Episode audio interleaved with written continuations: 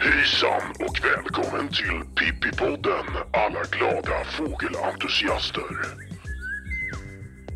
Ja, välkommen till det 37 avsnittet av Pippipodden. Nu är vi framme i slutet av nådens år, eller ska vi säga onådens år 2020. Vad säger du Kristoffer? Har det här varit ett lika dåligt fågelår som det har varit eh, ja, sett till pandemi och annat elände?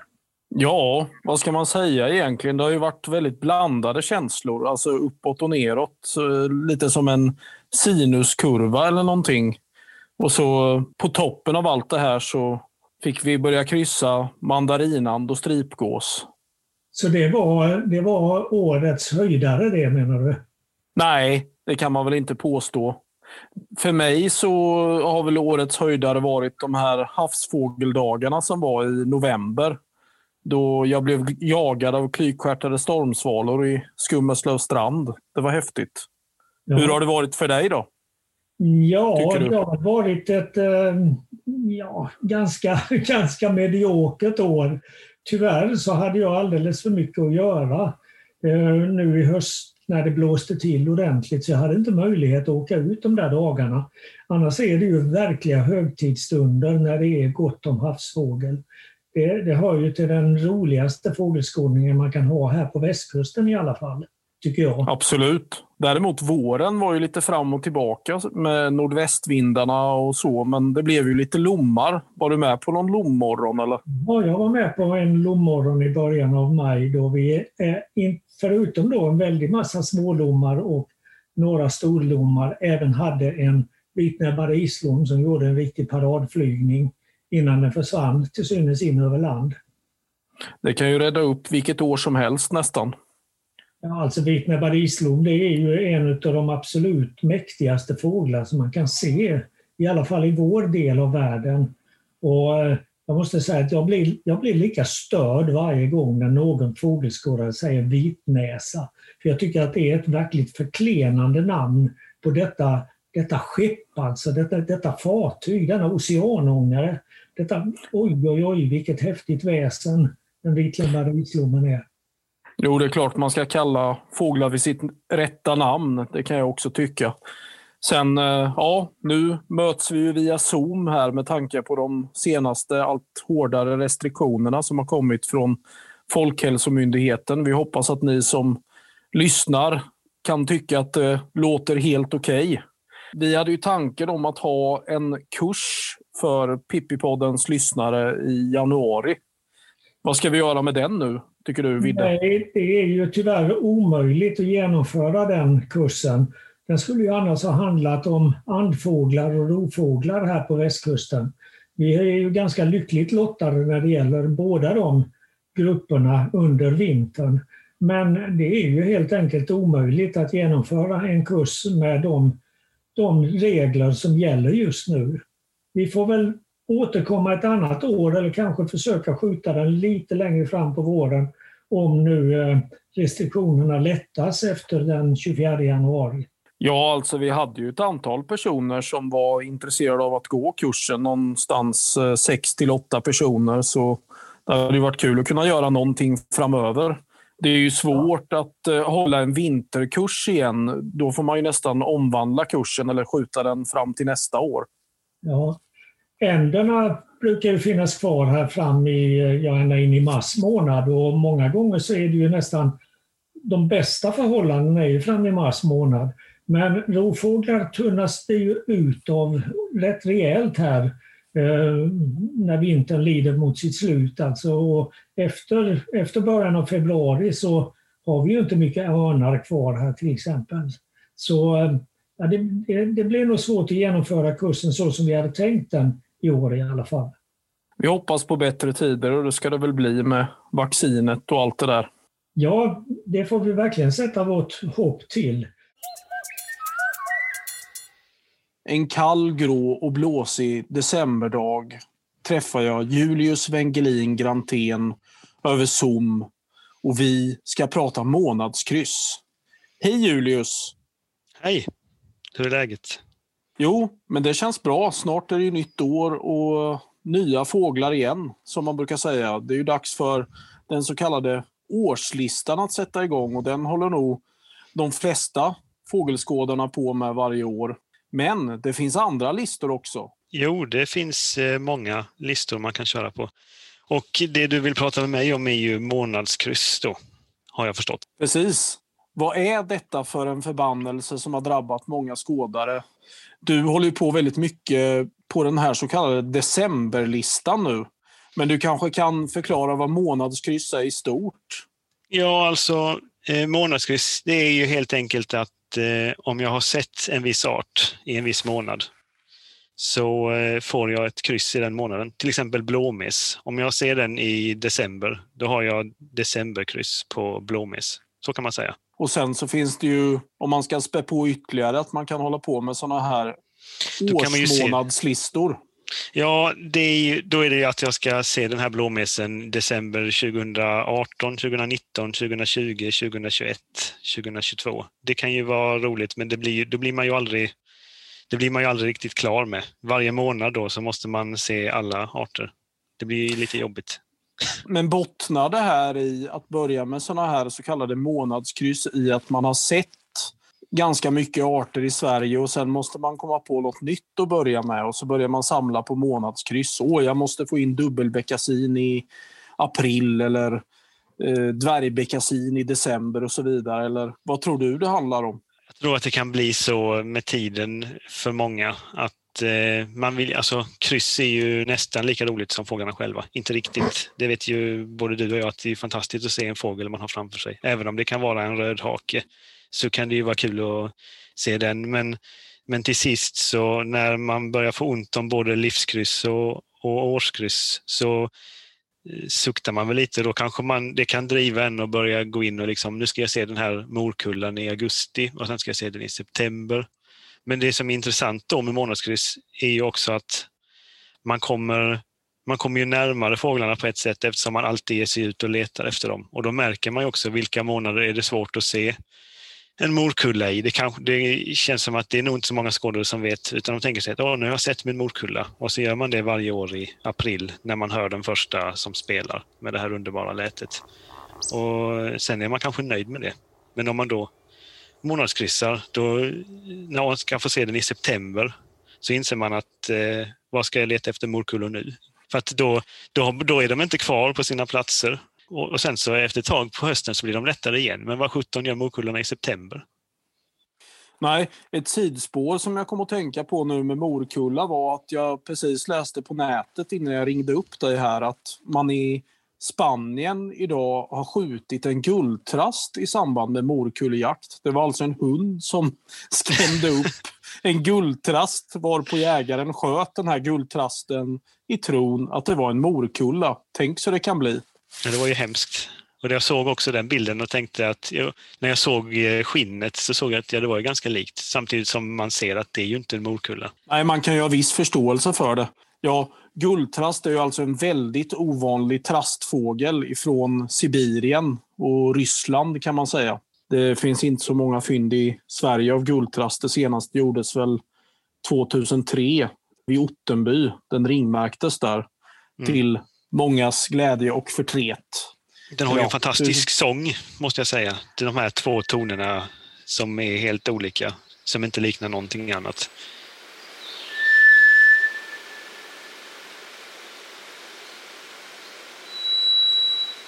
Den liknar väl lite andra ovanliga trastar på andra håll, men, men den ser verkligen ut som en morkulla just i dräkten, utom att en morkulla har ju väldigt lång näbb. Det har ju inte en Precis. trast. Men eh, ja, åter till månadskryss. Sen finns det ju någonting då att man vill ha de här månadskryssen i varje månad då som vi har pratat om att till exempel morkulla i Arra-årets månader. Jag fick ju det i december man, nu. Precis, kallar man det något särskilt? Ja, man kan ju kalla det dels för tolvtaggare, men då är det lite så här en blink till jakten då, att man har skjutit en stor älg, då får man ju en tolvtaggare. Andra kan kalla det för golden. Då blir det på engelska och betyder ungefär gyllene kan man säga. Att den är liksom, nu, nu har jag den i alla månader. Men sen har jag också hört att folk har sagt att de har stängt en art eller täppt till en art eller som jag kallade det ett tag, tack och adjökryss. För då är det lite som att när jag sett min vitkindade gås i februari, tror jag det var den sista månaden jag såg just vitkindad gås. Då var det som att en känsla var, nu behöver jag aldrig mer titta på en vitkindad gås. Alltså jag vill ju titta på vitkindad gäss, men jag behöver inte. Det är väl lite som att riva ut sidorna ur fågelboken eller lim, limma, limma igen sidorna. Mm. Precis. Men uh, ur uh, många arter har du på din så kallade 12-taggarlista då med alla årets månader? Nu har jag 133. Men det måste ju finnas en slags maxgräns för hur många arter man kan få ihop på en sån här 12-taggarlista. Ja, det känns ju som det när man börjar titta på till exempel en art som gulärla kan ju vid första anblick verka som att den kan man inte få som golden, men jag tror att man kan ha den som golden. Sen vet jag inte vad som händer när man splittar den östliga gulärlan. Då vet jag inte Nej, om det sen... finns gulärlefynd i alla månader.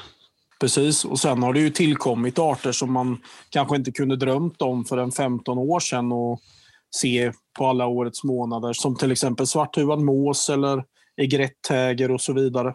Eller brunsångare. Jag pratade ja. ju med Anders Olausson som är en av Sveriges värsta, eh, bästa månadskrissare och han säger att han har mer än 200 arter på sin 12-taggarlista. Det där måste vi kolla upp. Ja. Men alltså... Men han har i alla fall brunsångare från september till maj. Och då känns det ju som att det krävs ju i så fall bara en att det ska börja sjunga en brunsångare någon gång på sommaren så kan man ju då få golden på brunsångare eller tolvtaggare. Ja, men eh, om vi nu ska gå in på det här på ett djupare plan, alltså bidrar inte det här så kallade månadskryssandet till mer ångest och lidande än glädje i slutändan på något sätt?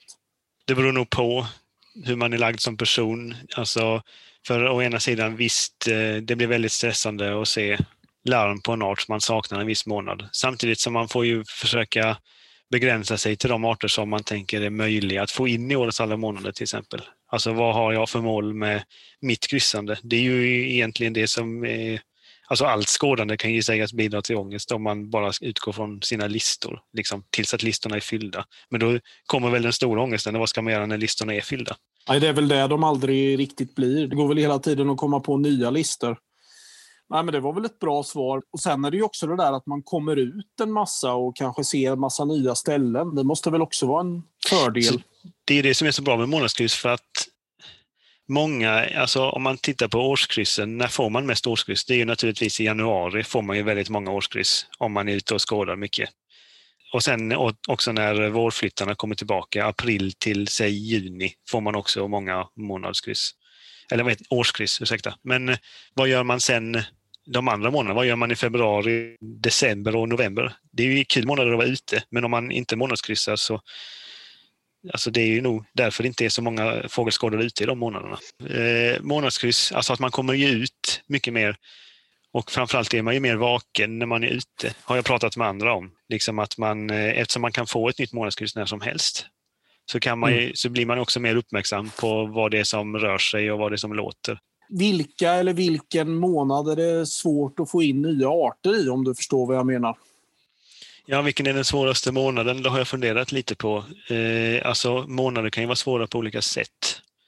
Alltså jag tänker på många sätt är augusti en väldigt svår månad. För det fåglarna gör då, det är ju, vet ju mest de själva vad man säger. Alltså de har ju häckat klart, de sitter inte och sjunger.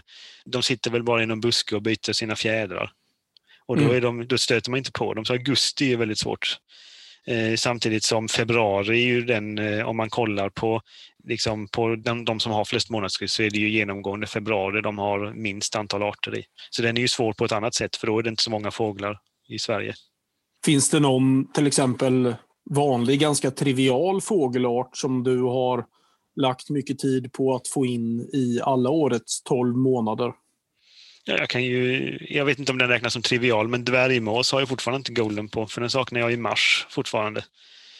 Och det är egentligen att jag har ju stått rätt mycket ute vid kusten, men jag har haft oturen att inte ha en dvärgmås just i mars. Jag har haft så här i början av april och jag har även haft några i februari, men just i mars har det oroat mig. Samtidigt, ugglor är också någonting som, har, som tar mycket tid för att det vet vi ju, om man liksom är ute och lyssnar efter ugglor mycket så vet man att det kan ju verka vara perfekta omständigheter men de är ändå tysta. Och det vet jag inte om man någonsin blir klok på, utom ugglorna själva. Liksom. Nej, det är sant. Sen vet jag, jag har hört folk som har sagt att det är jättesvårt att få in sångsvan i alla månader. Stämmer det? Ja, det vet jag ju till exempel en som fick åka till Draven i Småland för att få in eh, sångsvan i den sista månaden. Då var det också augusti. Augusti är svårt för många arter. Men eh, det var ju också kul för jag åkte sen med honom till Torslandaviken i Göteborg och hjälpte honom med en brunand i augusti. Och då, då blev han så eh, exalterad när jag såg den där brunanden på andra sidan viken att han fick hålla i min tub. Han fick inte in den i sin egen tub. Det var. Underbart, denna ja. glädje över en brunan med sitt härliga röda öga. Ja, men det precis. är ju också så, kan man känna, jag är väl lite filosofiskt lagd kanske, men eh, jag kan man känna att det här månadskrysset någonstans handlar om livet.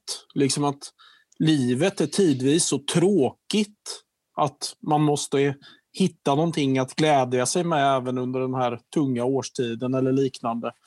För då har många hittat liksom ett verktyg i de här månadskryssen. Att det liksom egentligen inte handlar om fåglar i sig utan att det handlar om att ha någonting att göra så att man inte blir galen om du förstår vad jag menar. Jag förstår nog precis vad du menar och jag har nog själv varit där. Men det, går, det beror på vilken månad det är. Jag vet inte, jag har lite såna olika inställning till olika månader. Men det har vi väl kanske lite till mans. Men februari, ärligt talat, vad ska man med den månaden till? Alltså den, varför finns den? Det är lite den känslan har man ju ibland. Och så jobbar jag som lärare så jag har sportlov där i februari. Och vad sjutton gör man med ett sånt lov? Vecka åtta liksom. Det är ju en av de veckor på året det finns minst antal fåglar. Det är klart att det finns annat man kan göra. Eh, under ett lov än att titta på fåglar. Men det är ju det jag älskar, det är det jag vill göra, titta på fåglar. Liksom. Ja, men då är det ju bra för att i alla fall i slutet av februari eh, och då är det bra att jag månadskryssar så att jag kan få ut någonting av det ändå. Om det kan vara en skogsduva eller en brushane eller en vad det kan vara om jag får önsketänka. Småspo har jag inte i februari, men det känns svårt. Det känns smått osannolikt. Ja. ja. Men eh, om, om du får drömma, vad har du eh, för mål med ditt månadskryssande? Handlar det om att få ihop ett visst sammanlagt antal eller ska någon månad uppnå en viss gräns och så vidare? Eller hur tänker du? Alltså jag är ju på många sätt redan där att jag vill klättra på listorna och bli lite nervös när jag ser att någon håller på att komma ikapp. Jag kan ju berätta var man hittar de här månadslistorna också. Då får man gå in på Artportalen och så får man ju eh, klicka, alltså om man loggar in på Artportalen. Man kommer till en startsida och då kan man ju klicka på fliken listor, så kan man klicka på mina listor. Och så därunder finns det någonting som heter artöversikt per månad. Klickar man på den så får man upp sin, sina månadslistor. Och den ska även inkludera alla skyddade arter. Och då står det en mm. summa där längst upp bredvid artnamnen och sen finns det även om man vill jämföra sig med andra så klickar man på listor, flest månadskryss. Mm. Och sen kan man ju kolla på de sidorna var man hamnar för ens namn är väl markerat i orange, tror jag. Ja, jag har för mig jag har hört att eh, många vill passera 3000 på de här listorna. Stämmer det? Eller? Det är ju en slags drömgräns för många. Eh, jag började ju själv månadskryssa väldigt tidigt tack vare en eh, ung skådare på Gotland som hette Dennis som jag träffade när jag bodde där och pluggade. Och det var han som fick mig att börja månadskryssa. Då minns jag att vi pratade om att vi skulle komma upp i Först och främst var det ju 2000 månadskryss då när man börjar och så hade vi räknat ut hur eh, många arter det är per månad. Det kan man ju göra. Ja, då var det ju 167 arter i månaden eller någonting. Så det är intressant så att målen höjs hela tiden för då tänkte man hur sjutton ska jag kunna göra det? Och så minns jag att vi jobbade på de här ändå, arterna som ändå finns om man bor i södra Sverige, men att de inte alltid är så självklara att få in varje månad. Liksom. Nötskrika, det är Sveriges vanligaste kråkfågel. Men om man du ska ha den varje månad, eh, det är ju inte så lätt kan jag säga. Mars fick jag jobba som 17. Nej, det är ingen självklarhet. Ja, Julius, hur många sammanlagda månadskryss har du nu då? Jag har 2787 månadskryss just nu. Det står 2789 på Artportalen, men där är en Isabella Tanskata med som jag inte räknar. Då är det alltså drygt 200 kvar till 3000 månadskryss. När tror du detta sker? Ja, när 17 kan det ske. Eh, hittills har jag fått in, eh, jag har passerat liksom varje jämnt hundratal. Det har skett lite fortare än en gång om året. Så då är om, vad blir det, två år. Vad ska du göra då? Börja på födelsedagslistan och julaftonslistan och midsommarlistan och sånt eller? Nej, det får väl bli bussörmånadslistor och sånt där då. Jag ska stå i bussör och ska jag ha eh, varje art i varje månad just på den lokalen. Det låter som en alldeles utmärkt utmaning. Det låter precis som du. Ha en ja. fin kväll! Ha det bra! Hej!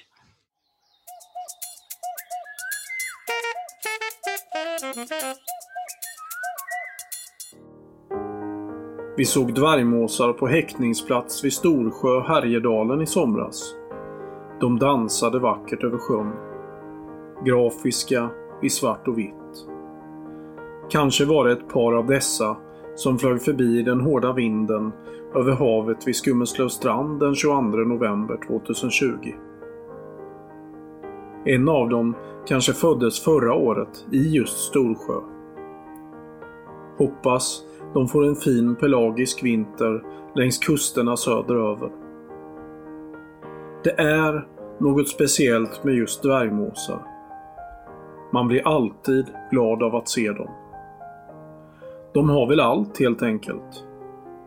Näpna, vackra, den speciella flykten och formade lite som ett gosedjur i en leksaksbutik.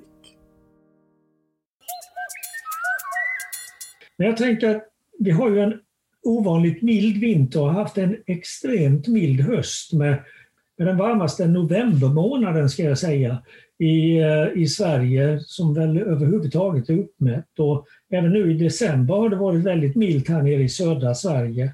Det innebär ju ändå att det kan finnas rätt mycket fåglar kvar i våra trakter här. Har du sett någonting av det? Lite udda övervintrar och så här? Helt klart. Alltså, det har väl till och med varit så att det är det varmaste året någonsin i Sveriges historia sedan man började göra mätningar av temperaturen. Det jag har lagt märke till är ju att det är väldigt mycket starar kvar. Jag hade en flock med över 200 starar bara häromdagen. Och på Jätterön har det varit över 300 tofsvipor till exempel. Och flera andra vadararter som är kvar längs kusten som kustsnäppa, roskar och kustpipare exempelvis. Och mm. Flera gransångare. Har du tänkt på något särskilt? Ja, när jag, jag gjorde en sån här vinterfågelrutt i helgen som gick. Och, eh, jag går längs med stranden här eh, strax väster om Halmstad. Eh, längs den här stigen som kallas för Prins Bertils stig. Och eh, det är en sån här rutt där man har 20 stycken stopp och på de här 20 stoppen så lyckades jag se tre olika gransångare. Och eh, jag har väl haft gransångare någon enstaka gång under de säg 15 år som jag har gjort den här rutten. Men eh, tre stycken på tre olika ställen dessutom, det har jag inte varit med om tidigare. Och sen var det gott om ringduvor också. Och det, jag var ute och körde en liten sväng idag den eh, 22 december när vi spelade in det här. Och det var väldigt mycket ringduvor, stora flockar ringduvor som var uppe och flög. Eh, och det är, det är också en påtaglig förändring jämfört med tidigare år.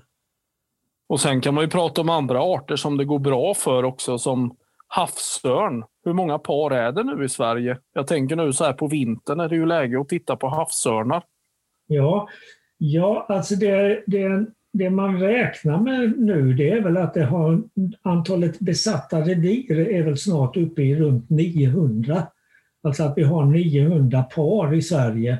Nu häckar ju inte örnar varje år och en, del, eh, en viss andel misslyckas med sina häckningar eller avbryter häckningen av någon, någon anledning. Men det här är ju ett helt makalöst resultat jämfört med hur det såg ut när det var som dystrast. Då vi kanske bara hade en 50 par i Sverige och de 50 paren de misslyckades dessutom med sina häckningar nästan varje år beroende på att de var så hårt belastade av miljögifter. Så det är ju verkligen en framgångssaga men jag tänkte att vi kunde komma in på det lite senare att det här är ju också ett mynt med två sidor verkligen. Det är positivt på ett sätt men det är negativt på ett annat sätt med, med havsörnens expansion. Och när vi ändå är inne och pratar om örn så fick jag i brevlådan idag eh, den här tidskriften som heter Kungsörnen och som ges ut av Örn 72. Och vad som var positivt och roligt att läsa om där, det var att för andra året i rad i år så har Kungsörnen haft ett bra häckningsår. Det var ett väldigt bra år förra året Och sen är det ett bra år även i år. Och man har räknat ut att eh, åtminstone 215 par av de som man följer har häckat. De har fått 254 ungar. Och då är inte Gotland medräknat. Och då ska man veta att på Gotland så handlar det om någonstans mellan 20 och 40 par varje år och kanske mellan 30 och 50 ungar. Så eh, det, det ser, ju, ser ju riktigt bra ut för kungsörnen faktiskt också. Lyckade häckningsår.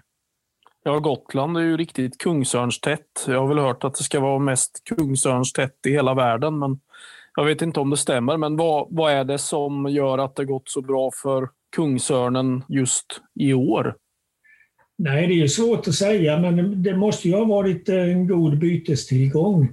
Ofta, ofta så är det också så att efter ett bra häckningsår följer i regel ett ganska dåligt eller åtminstone ett mediokert häckningsår. Men nu har det varit två häckning, bra häckningsår på rad och det, jag kan inte se någon annan förklaring än att det har varit kanske gynnsamt väder på våren.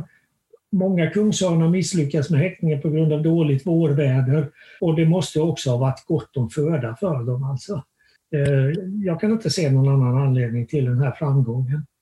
Nej, det brukar ju handla om födan i slutändan. Och på tal om en annan kung så har det ju gått fantastiskt bra för kungsfiskaren. Vi pratade väl om kungsfiskare i förra avsnittet en del, men har du hört ytterligare några nya rön? Nej, inte mer än att eh, man får ju lätt uppfattningen när man pratar med folk, både fågelskådare och så kallat vanligt folk, att det är mer kungsfiskare i södra Sverige nu än vad det någonsin har varit. Och ytterligare ett exempel på det kom häromdagen när Fåglar i Småland, Eh, den gemensamma tidskriften för de ornitologiska föreningarna i Småland, damp ner i min brevlåda. Och där fanns en artikel om kungsfiskare i Småland och där är det också ett rekordår i år. Och, och det måste ju ha varit eller bero på de här milda vintrarna vi har haft nu, en hel lång rad. Ända sedan ja, 2010-2011 var väl den senaste ganska kalla vintern vi hade. Så vi har haft nästan tio vintrar i rad med milt väder. Och sen har vi också haft ganska, föreställer jag mig i alla fall, ganska gynnsamt väder för kungsfiskarna på sommaren. Med relativt lite nederbörd, låg vattenföring, klart vatten i, i åarna. Det grumlas inte som så mycket som när det regnar kraftigt på somrarna. Då kan det ju vara väldigt grumlat vatten i våra vattendrag. Så jag tror att kungsfiskarna har haft bra, bra villkor både sommar och vinter nu de senaste åren. Och, och, och, det är ju väldigt roligt för det är ju en fågel som alla som ser den blir fascinerade och glada av. Det, det är ju någonting som vi skulle kunna ha som ett litet dragplåster när vi vill engagera nya fågelskådare. Men sen är det ju också, jag har väl skådat i drygt 25 år ungefär och det är ju även ovanligare arter som brunsångare och bergtaigasångare till exempel som har blivit vanligare och vanligare i Sverige. Jag vet brunsångare när jag började skåda, det var ju en riktig megararitet.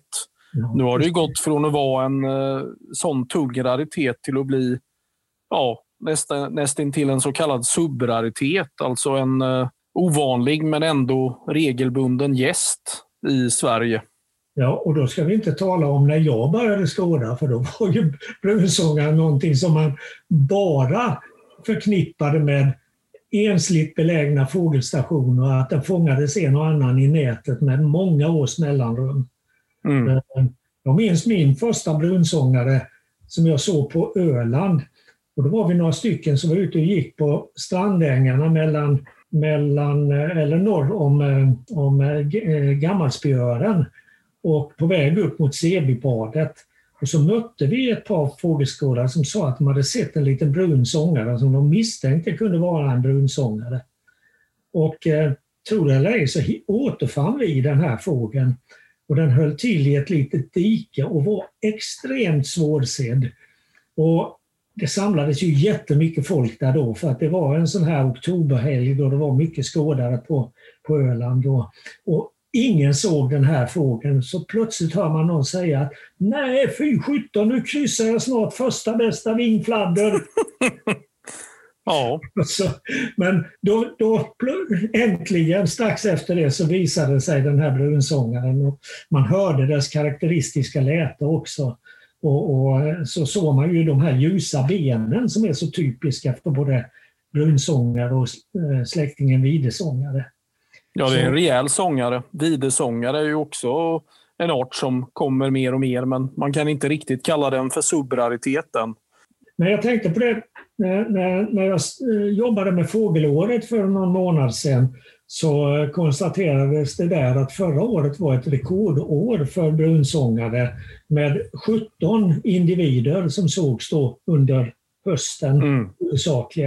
Och jag tittade lite hastigt nu i artportalen och kom fram till att i år så måste det ha passerat 30 individer.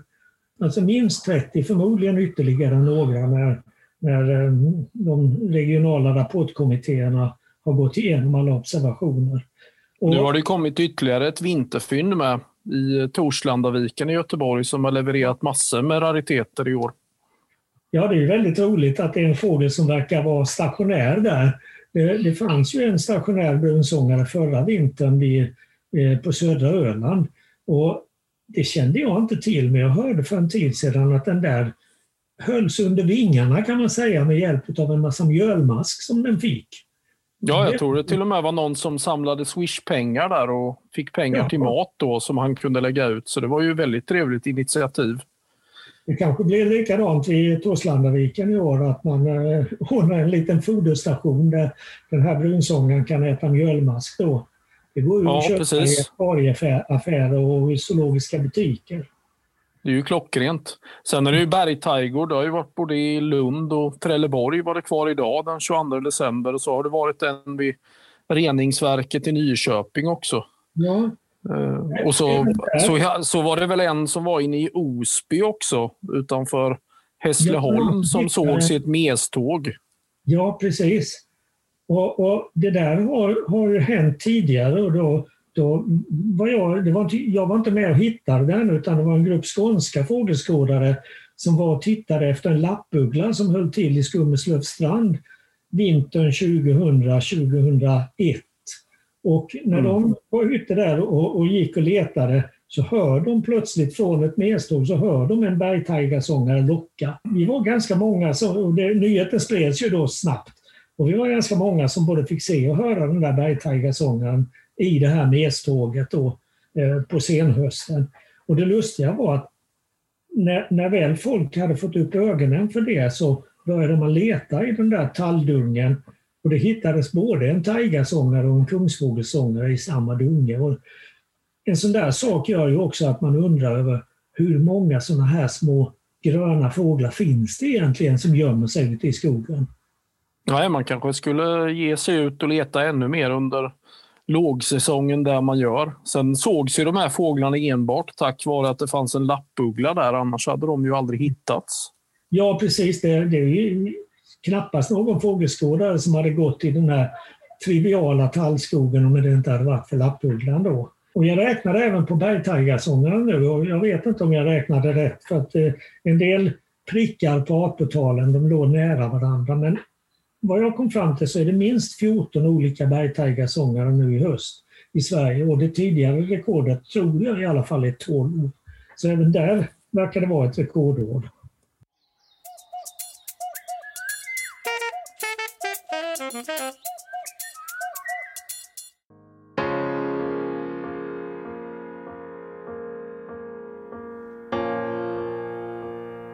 Hur många alkekungar man än har sett slås man av en sak varje gång. De är så små. Sedan ser de nästan ut som en seriefigur, fast de finns i verkligheten. Kanske är alkekungar i själva verket tordmular som tvättats i tvättmaskin i 90 grader med efterföljande torktumling. Hur som helst är det coola fåglar som får parera allt från fjällrävars käftar till stora vågor med stänkande skumkammar.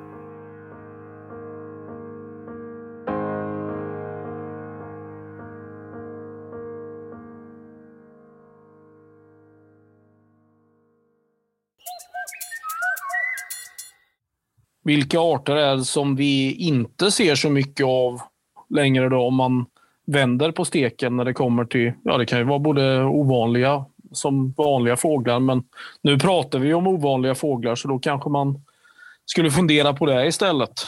Ja, vi var ju inne på havsfåglar tidigare och vi har ju haft en lång rad höstar nu med väldigt lite, lite eller väldigt få oväder kan man säga. Och det har ju varit eh, förvånansvärt lite havsfåglar utav många arter. Eh, stormsvala nämnde du, men också gulnäbbad lira, grålira och, och alkor inte minst. Nu var det ju i och för sig lite alkekung och en del lunnefåglar i rörelse i höstas, men det är ju ingenting mot hur det var för en 10-20 år sedan när det blåste till, då vi såg betydligt mycket mer havsfåglar. Mm. Eh, jag har också funderat lite över några vadararter som har blivit fåtaligare. Det såg ju ut länge i början på 2000-talet som att både duvsnäppa och prärielöpare bara skulle öka och öka i Sverige. Kurvorna var ganska tydligt uppåtgående. Men sen så har den, de, den stigningen kommit av sig och, och, det har ju varit ganska så magra år de senaste åren när det gäller de här, de här vadarna. Så um, visst, allt, allt går inte uppåt. En del, en del arter minskar i antal här, helt uppenbart. Men, och det är väldigt, väldigt svårt att säga vad detta beror på. Eller har du ja. lite varför, varför de här vadarna är fåtaligare nu än tidigare? Nej, skulle det kunna vara att de har eh, delvis ändrat sina flyttningsstrategier eller någonting? Jag har ingen aning egentligen. Men sen kom jag ju in på vanliga arter med. Jag fick en fråga här från en kompis idag. Är talltitan verkligen rödlistad? Frågade han. Och som jag tolkar det som så har väl talltitan blivit rödlistad nu i 2020 års rödlista, men den var inte det i eh, 2015 års rödlista. Det är utan tvekan så att talltitan, i alla fall i södra Sverige, har gått ganska kraftigt tillbaka jämfört med hur det var tidigare. Jag kan bara ta min min trädgård och min fågelmatning som exempel. När jag flyttade hit till det här huset, och det är 40 år sedan nu, då hade jag dagligen under vintern både talltita och entita vid min fågelmatning. Och de här titorna de kom från den närbelägna skogen som bara är, ja, där skogsbrynet finns 150 meter bort. Och skogen har definitivt inte förändrats till det sämre för tytorna, snarare tvärtom. Det har blivit mera undervegetation och fler döda träd i den här skogen som är, är skyddad. Men det är minst 10 år sedan jag hade en entita och det är nog minst 20 år sedan jag hade en talltita i min trädgård. Och talltita är ju faktiskt en art som vi här nere i södra Sverige kan ha rätt svårt att få in på våra årslistor, i alla fall om vi ska hålla oss i hemkommunen eller, eller hemlandskapet, den har blivit betydligt fåtaligare här nere än vad den var förr. Alltså. Ja, nu under tiden när du pratade så läste jag att eh, både talltita och entita har blivit nära hotade i den eh, senaste rödlistan. Så mm. Det verkar vara grejer på gång där. Den har minskat kraftigt under de senaste 30 åren men aldrig uppfyllt kriterierna för rödlistning. Men nu verkar ju den ha gjort det då, tyvärr. Ja, alltså när en art blir rödlistad så behöver det ju inte handla om att den har blivit extremt ovanlig eller så, även om det förekommer sådana också i rödlistan. Utan det kan ju också handla om att en art har minskat kraftigt under en lång rad av år. Och där har vi ju den vanliga kråkan som exempel. Den är också rödlistad nu eftersom den väl 15 år i rad nu har minskat. Och eh, det har vi, vi, både vi fågelskådare och inte minst vanligt folk har väldigt svårt att förstå det. För man tycker att man ser mer kråkor än tidigare. Det tror jag i och för sig beror på att kråkorna har gjort som folk gör mest. De har flyttat till, till stan. Ute på landsbygden finns det inte lika mycket bra födosöksmiljöer för kråkorna som det gjorde förr. Alltså, om man tänker på att varenda litet lantbruk hade kreatur, man hade en gödselstack, man hade en ganska varierad växtodling och så vidare. Det var, var ett växlande landskap med mycket mat för en kråka. Det finns ju inte idag. Idag är ju djuren koncentrerade i ett, till ett fåtal gårdar. Och, och det finns inte några sådana här öppna gödselstackar och landskapet har blivit mycket mer enformigt. Så det är ju inte konstigt att kråkorna har flyttat in mot städerna och, och, och att vi ser dem mest. Visst är det så. Och sen har ju kungsfågel har ju exempelvis varit rödlistad tidigare men har kommit tillbaka igen så att säga. Så den är inte med på rödlistan just nu i alla fall om jag minns rätt. Nej, Nej för vissa arter så är det liksom att de går fram och tillbaka. Kliver in och ut genom en dörr till rödlistan. Just nu, och det är väl trevligt att kungsfågeln håller sig utanför den där dörren och inte är rödlistad. Man, man tycker att kungsfågeln borde ju ha ganska bra förhållanden i Sverige och framförallt då i södra Sverige med all den här granodlingen som vi har i, i landskapet. Mm. Men sen har vi ju då nästan lite av ett sorgebarn. Det här med ejdrarna är ju riktigt tråkigt tycker jag. Att man inte ser några ejdrar längre knappt här längs, ja egentligen i hela Sverige, men längs västkusten att en dag med tusen ejdrar på sträck i mars-april en bra ejderdag här numera. Det känns väldigt tråkigt på något sätt.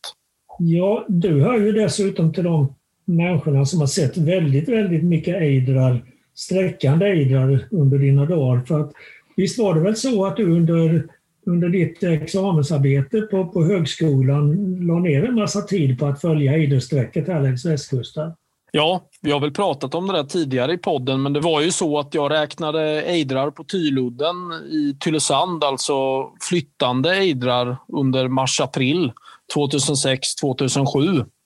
Och eh, jag gjorde om räkningar som hade gjorts 1996 och 1997.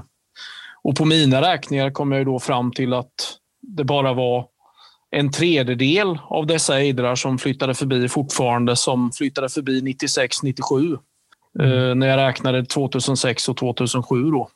Så där kunde man ju se en enorm tillbakagång som man ofta pratar om att det var musselfiskets påverkan och liknande. Det har ju pratats om vitaminbrist och annat också, men du mm. kanske har hört något nytt bara senaste Nej. tiden. Det har väl kommit en dansk studie.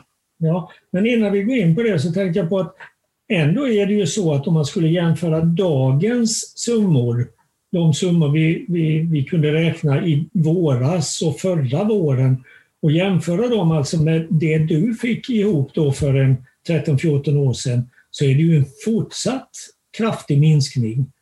Vi, ja. vi skulle inte få ihop några 30 000 ejdrar eller vad det var du hade de här eh, vårarna 2006 och 2007. Nej, alltså det här med ejderns tillbakagång, det är ju, kan ju kännas som ett mysterium.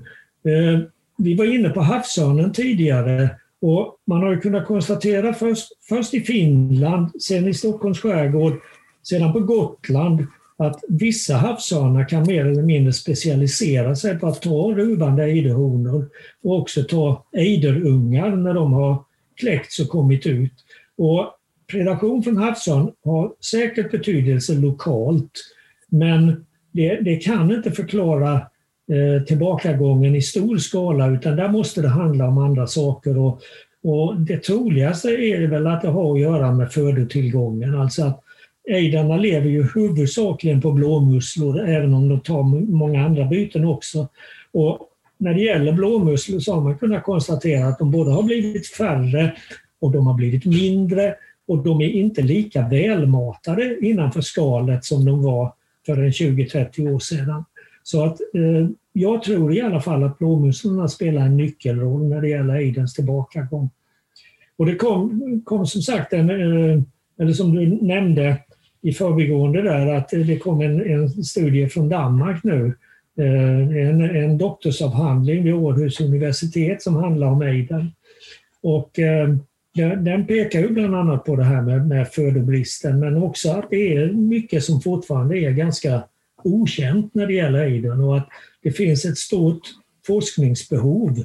Och där skulle det verkligen vara önskvärt också att de olika forskningsprogram som ägnar sig åt aiden idag, att de börjar samarbeta och att de inte motarbetar varandra. För jag har åtminstone fått den uppfattningen i samband med olika konferenser och annat, att det är olika läger som, som inte är särskilt kontanta med varandra kanske är så helt enkelt att de, de strider om samma forskningspengar och, och därför inte, inte vill samarbeta. Men när det gäller ejdern som är en sån karaktärsfågel vid våra kuster så tycker jag att det är oerhört viktigt. För det är ju, det är ju en, inte bara en symbolfågel utan det kan ju också visa på någonting som har gått allvarligt snett ute i havet. Alltså något storskaligt problem där ejdern bara är liksom toppen på isberget. Det kanske påverkar väldigt mycket mer. Så att eh, det, det, det vore verkligen önskvärt att det blev en stor satsning på ejderforskning framöver. För det är ju märkligt hur det kan funka med födan för olika arter då, som till exempel sjöorre och svärta som jag har en känsla av att det går oerhört bra för. Man ser de här flockarna i Laholmsbukten men de lever ju på andra typer av musslor eh, längre ut i bukten till exempel. Ja, det, det, kan, det kan ju ha med det att göra just när man jämför de båda eh, grupperna. Alltså ejdrarna lever ju huvudsakligen på blåmusslor som växer på stenar och klippor under vattnet. Medan svärtor och sjöorrar vintertid i huvudsak lever på hjärtmusslor som lever nedgrävda i sanden. Och, och eh, de här hjärtmusslorna de klarar sig kanske bättre än vad blåmusslorna gör. Åtminstone här på västkusten så kan ju blåmusslor ibland fara väldigt illa när vi får gott om sjöstjärnor, att sjöstjärnorna äter upp alla blåmusslorna till exempel. Och vi vet liksom inte riktigt hur, hur de här sambanden fungerar.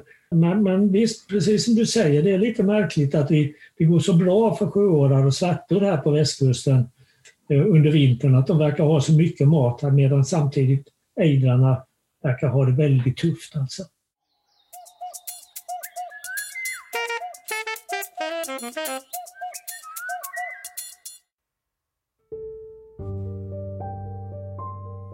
Klockan var 15.23 den 6 november. Corona svepte fram över hela landet. Solen lyste knappt längre. Grått och några grader dag ut och dag in. Jag hade ätit någon trist måltidskopp med carbonara till lunch. På radion spelades sån där modern skitmusik med pålagda vocalizers i var och varannan mening. Jag stannade till intill vassen i Halmstad hamn där stod inga lastbilar den här dagen. Men gamla kläder, plast, matrester och en massa annat hade chaufförerna lämnat efter sig längs vasskanten. Jag försökte bortse från det. För en liten stund kom solen fram. Pling plong tjong hördes från vassen så satt hon bara där med utspända, bakbelysta stjärtfjädrar. Jag hade kameran med mig. Det var som att vi hade bestämt en tid för att ses, skäggmeshonan och jag. Ännu en gång hade jag räddats av fåglarna, tänkte jag, och åkte hem. Dagen slutade så mycket bättre tack vare henne.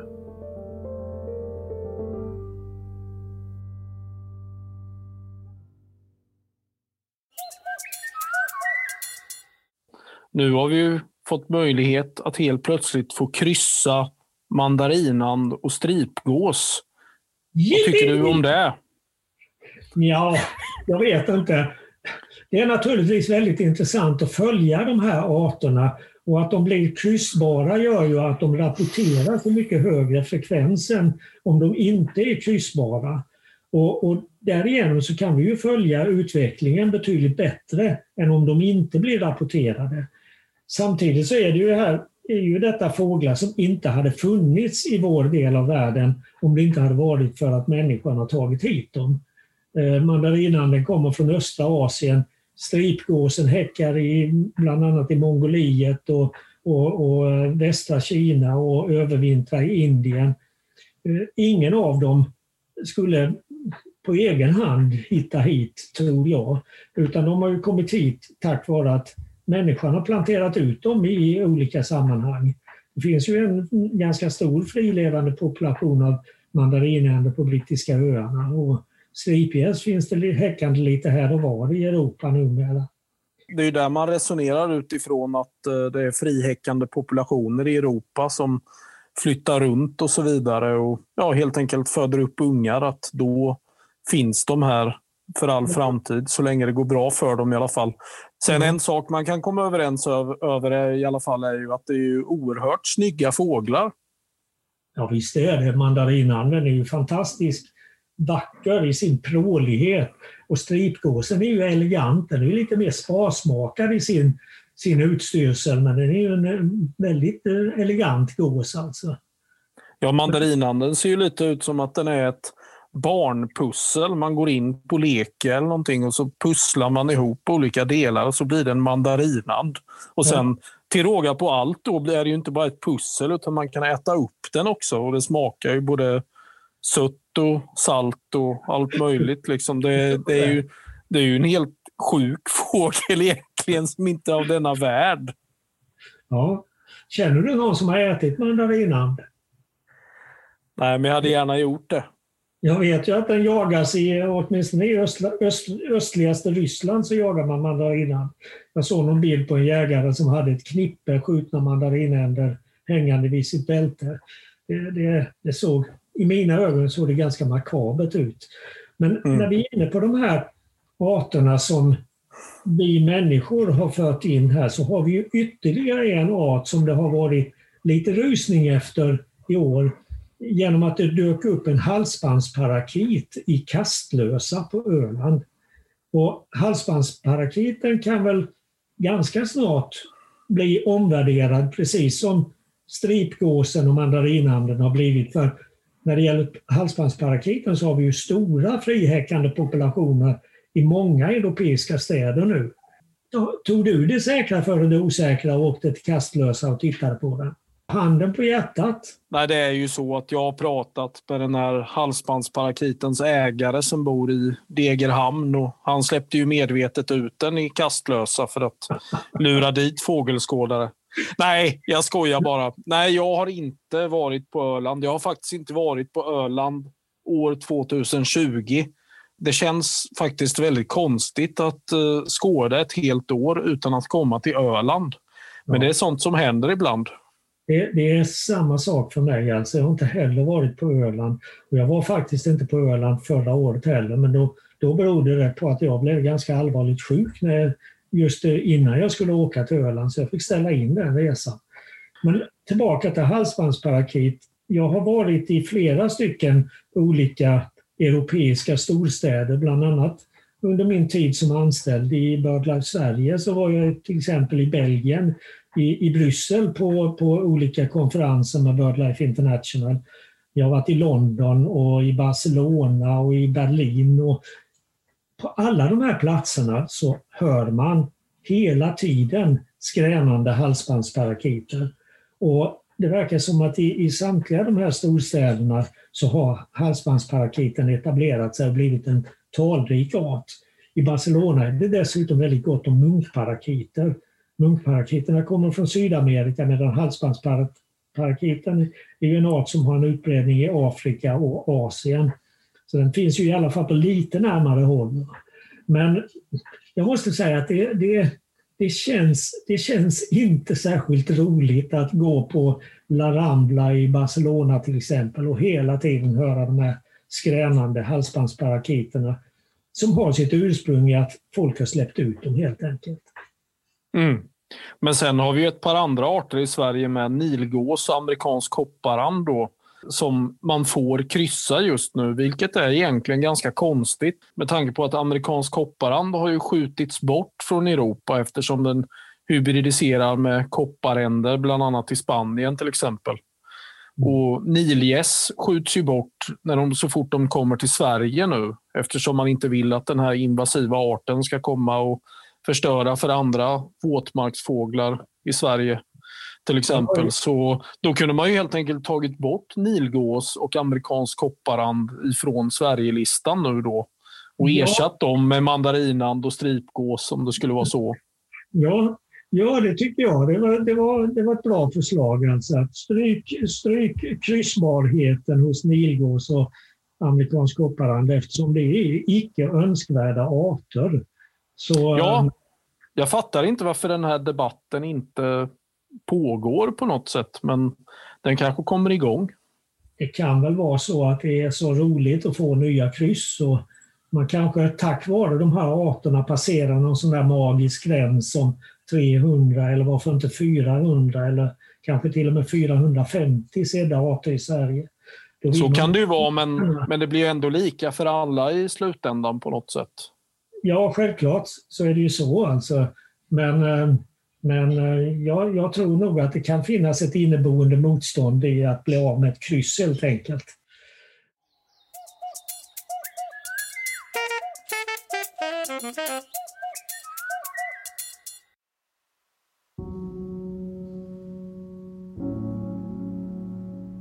Det är en ynnest att vid sällsynta tillfällen få se klykstjärtade stormsvalor på nära håll i hemmamarkerna.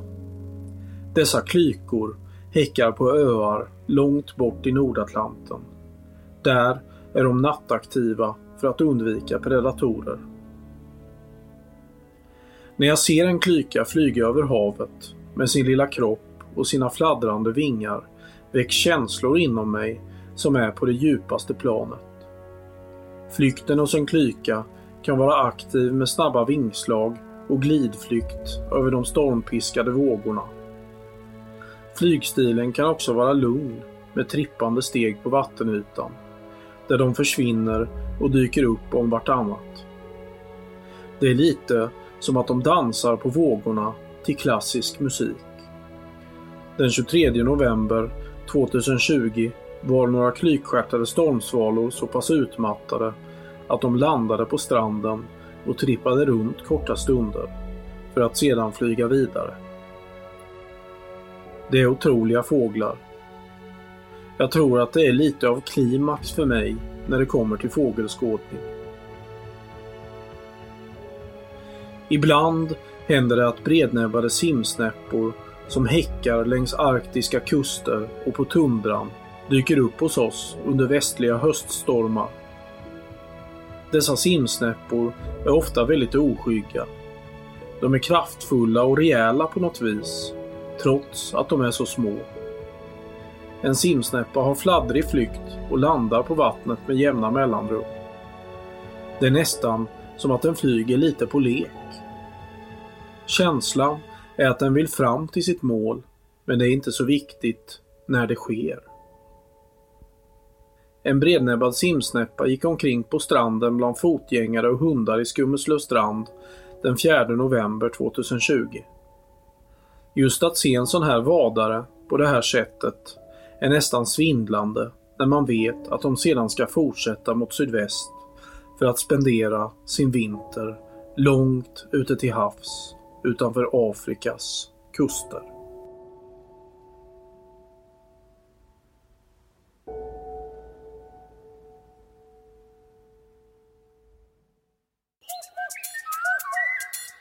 Om vi ska titta lite framåt nu. Vi är inne på de allra sista dagarna under året här.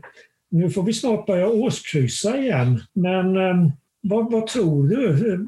Kommer det att bli en bra fågelvinter eller blir det en fågelvinter med förhinder? Alltså just nu här i södra Sverige när det är 7-8 grader varmt i Halmstad varje dag. Det känns som att det är oktober. Alltså det är lite som att eh, årstiderna förskjuts framåt minst en månad numera. Alltså december är numera en höstmånad. I alla fall här nere. Och kanske en bra bit upp i Sverige eh, kan jag tänka mig. Så det känns ju lite konstigt alltså att eh, åka ut i skogen och det är ganska grått och trist. Man hade ju kanske haft några klara fina dagar med lite ja, sidensvansar som flyger runt och låter som silverklockor och även spana av lite alla möjliga platser som till exempel reningsverket här i Halmstad när det ryker från vattnet och det är smockat med änder och kanske någon övervintrande gransångare och kungsfiskare. Det känns lite konstigt på något sätt fast samtidigt så kan det ju leda till att fler fåglar som inte övervintrar här vanligen kanske ändå gör det. Så, mm. Hur tänker du? Nej, jag tror att det är någonting som vi kommer att få vänja oss vid. Att fåglar som vi tidigare betraktade som kortflyttade, alltså arter som flyttade ner på den europeiska kontinenten, att de framöver kommer att övervintra här i allt större utsträckning. Jag tycker att tittar man på det mycket, mycket digra material som Ottenby fågelstation har samlat ihop när det gäller fåglarnas fenologi, så verkar det ju som att de här kortflyttarna de har förlängt sin vistelse i Sverige i båda ändar. De kommer tidigare på våren och de stannar här längre på hösten. Och förr eller senare så kanske de blir kvar här året om. Medan däremot tropikflyttarna, de kommer ju också lite tidigare på våren, men de sticker ju härifrån tidigare på hösten. Eh, många av dem i alla fall. Det är precis som att de har förskjutit hela sin vistelse i Sverige eh, någon vecka, liksom tidigare lagt den. Eh, och, och, att det är som att de, de är inte här mer än absolut nödvändigt och det är, det är ju för att fortplanta sig och föda upp ungar. Medan de här kortflyttarna, alltså, de, de, de tenderar att bli mera stabila året om här. Så, mm. men, men det, och det kan man ju som fågelskådare glädja sig åt för att vi ser mera fåglar. Samtidigt så har det här ju också en väldig baksida för att klimatförändringen, även om vi kanske gynnas av den här på svenska västkusten i alla fall, eller i Sverige överhuvudtaget, så är det ju så oerhört negativa effekter i andra delar av världen. På hög höjd i tropikerna till exempel, eller i Arktis eller Antarktis där, där effekterna kan bli väldigt, väldigt allvarliga och, och, verkligen gå ut över fåglarna som inte hinner med att anpassa sig i de snabba svängningarna. Och man känner sig kluven, verkligen. Jag minns när jag började lära känna dig i början på 2000-talet. Då åkte ju du långfärdsskridskor varje vinter och sådär. Hur har det sett ut med det de senaste vintrarna för din del? Nej, inte här i södra Sverige i alla fall. Det var till och med så att jag skaffade mig ett par sådana här klaffskridskor, alltså med häl, lös häl, som är mycket, mycket häftigare att åka med. Men eh, det var en dålig investering för det är inte många gånger jag har åkt på de skridskorna. Så, nej. Eh, så nej, det, det, är inte mycket till vinter. Ska vi åka skridskor får vi nog åka en bra bit norrut i Sverige. Och, och sånt ska man ju inte ägna sig åt nu i dessa pandemitider. Nej, visst är det så. Men, men, innan vi lämnar det här med, med fåglarna och de milda vintrarna så måste jag berätta att jag läste också i Dansk ornitologisk förenings tidskrift en uh, liten kort artikel om fjällriporna på Svalbard. Uh, mm. Fjällripan har ju en, en cirkumpolär utbredning och den finns liksom på fastland runt hela polen och också i bergstrakter en bit längre söderut, till exempel ner i Alperna och eh, även på, på de norra delarna av brittiska öarna. Men de här fjällriporna på, på Svalbard, de klarar sig på vintern genom att de under vintern sänker sitt immunförsvar. Immunförsvaret är ganska kostsamt, det kräver rätt mycket energi för en fågel. Och när en fågel ska spara på energin, som den måste göra när det blir riktigt kallt, så sänker den immunförsvaret. Det här kan mm. ju få väldigt negativa effekter om det blir betydligt mildare på vintrarna uppe på Svalbard. För då kommer det in andra fåglar som har parasiter och sjukdomar och går då fjällriporna omkring där med ett nedsänkt immunförsvar, ja då är de naturligtvis väldigt, eh, eller kan ju drabbas utav de här sjukdomarna. De är, måste ju vara helt enkelt känsligare då än om de hade haft ett fullt aktivt immunförsvar som de har på sommaren. Och det, det här är ju sådana här grejer med fåglar som man överhuvudtaget inte tänker på om man inte är forskare eller medicinskt utbildad. Vi vanliga fågelskådare, vi vanliga dödliga alltså, vi, vi, vi fattar ju knappt hur det hänger ihop. Alltså, men uppenbart så är det sådana här saker som kan påverka fåglar. Ja, men hur är det med riporna på Svalbard? De har inga Eh, naturliga fiender i form av till exempel rovfåglar som jaktfalkar och kungsörnar där va? Nej, alltså jaktfalken är väldigt uh, ovanlig på Svalbard. Uh, de har ju fiender. Sommartid kan det ju vara labbar som tar deras mm. kycklingar. Mm. Men sen finns det ju mycket fjällräv på, på Svalbard som säkert är ett, uh, en, en viktig predator på, på åtminstone ripkycklingar. Och de, de, har ju ett liv också, precis som den här renen som lever på Svalbard, så äter de ju väldigt mycket under vad ska vi säga, den is och snöfria tiden av året medan de är, äter väldigt lite under vintern. De, de nästan svälter sig igenom vintrarna skulle man kunna säga. Ja. Och där kan ju också sådana här kraftiga väderförändringar få väldigt stora effekter. Men Kristoffer, nu när vi har suttit här och pratat nu på varsin kammare via Zoom så har det ju nästan blivit lite väl dystert emellanåt. Det, det är mycket som eh, är deppigt. Deppigt väder och färre fåglar i vissa sammanhang. Nog måste det väl finnas lite saker som vi kan se fram emot nu också, när vi går in i ett nytt år.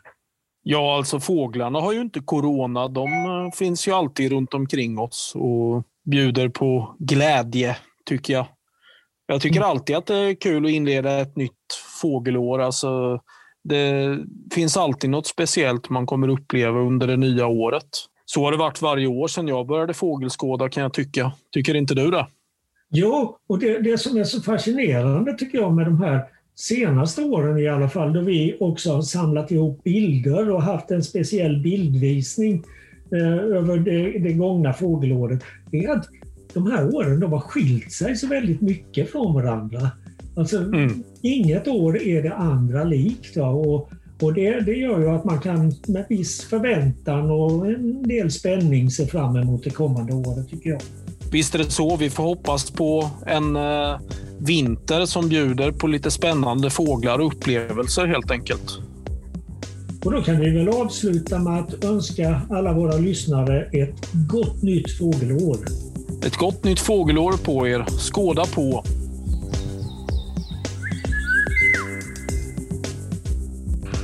Redigering av Frida Nettelblatt. Pippipodden produceras i samarbete med Studiefrämjandet.